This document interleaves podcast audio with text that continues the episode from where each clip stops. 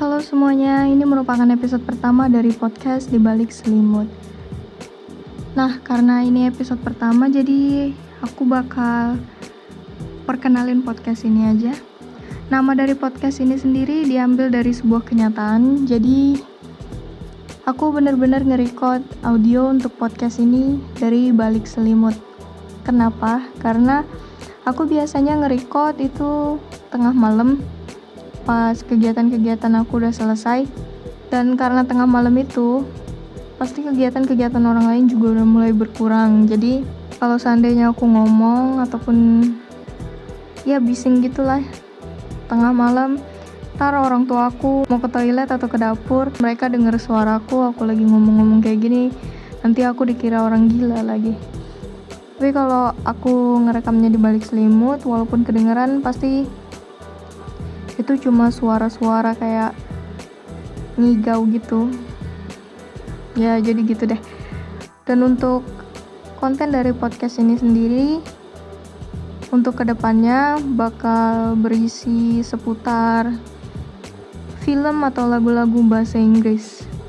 Karena ya aku hobi aja gitu nonton sama dengerin sesuatu yang bahasa Inggris. Selain aku dapat informasi dari apa yang aku tonton aku juga bisa praktek skill bahasa Inggrisku kayak listening dan bisa improve pronunciation.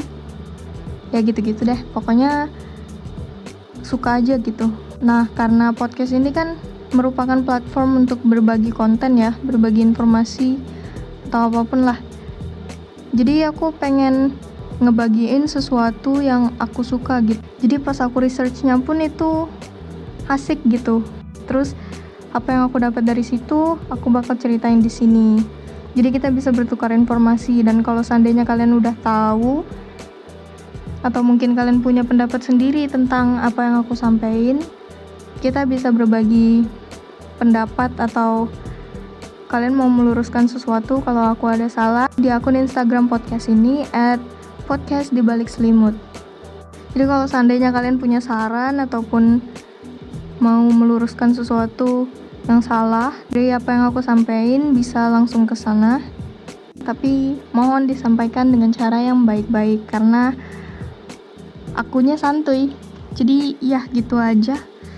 Jadi kalau seandainya kalian tertarik ataupun mau dengerin podcast ini untuk ke depannya mungkin bisa di subscribe atau di follow jadi kalau ada episode baru kalian bisa langsung dengerin Oke semuanya, makasih udah dengerin.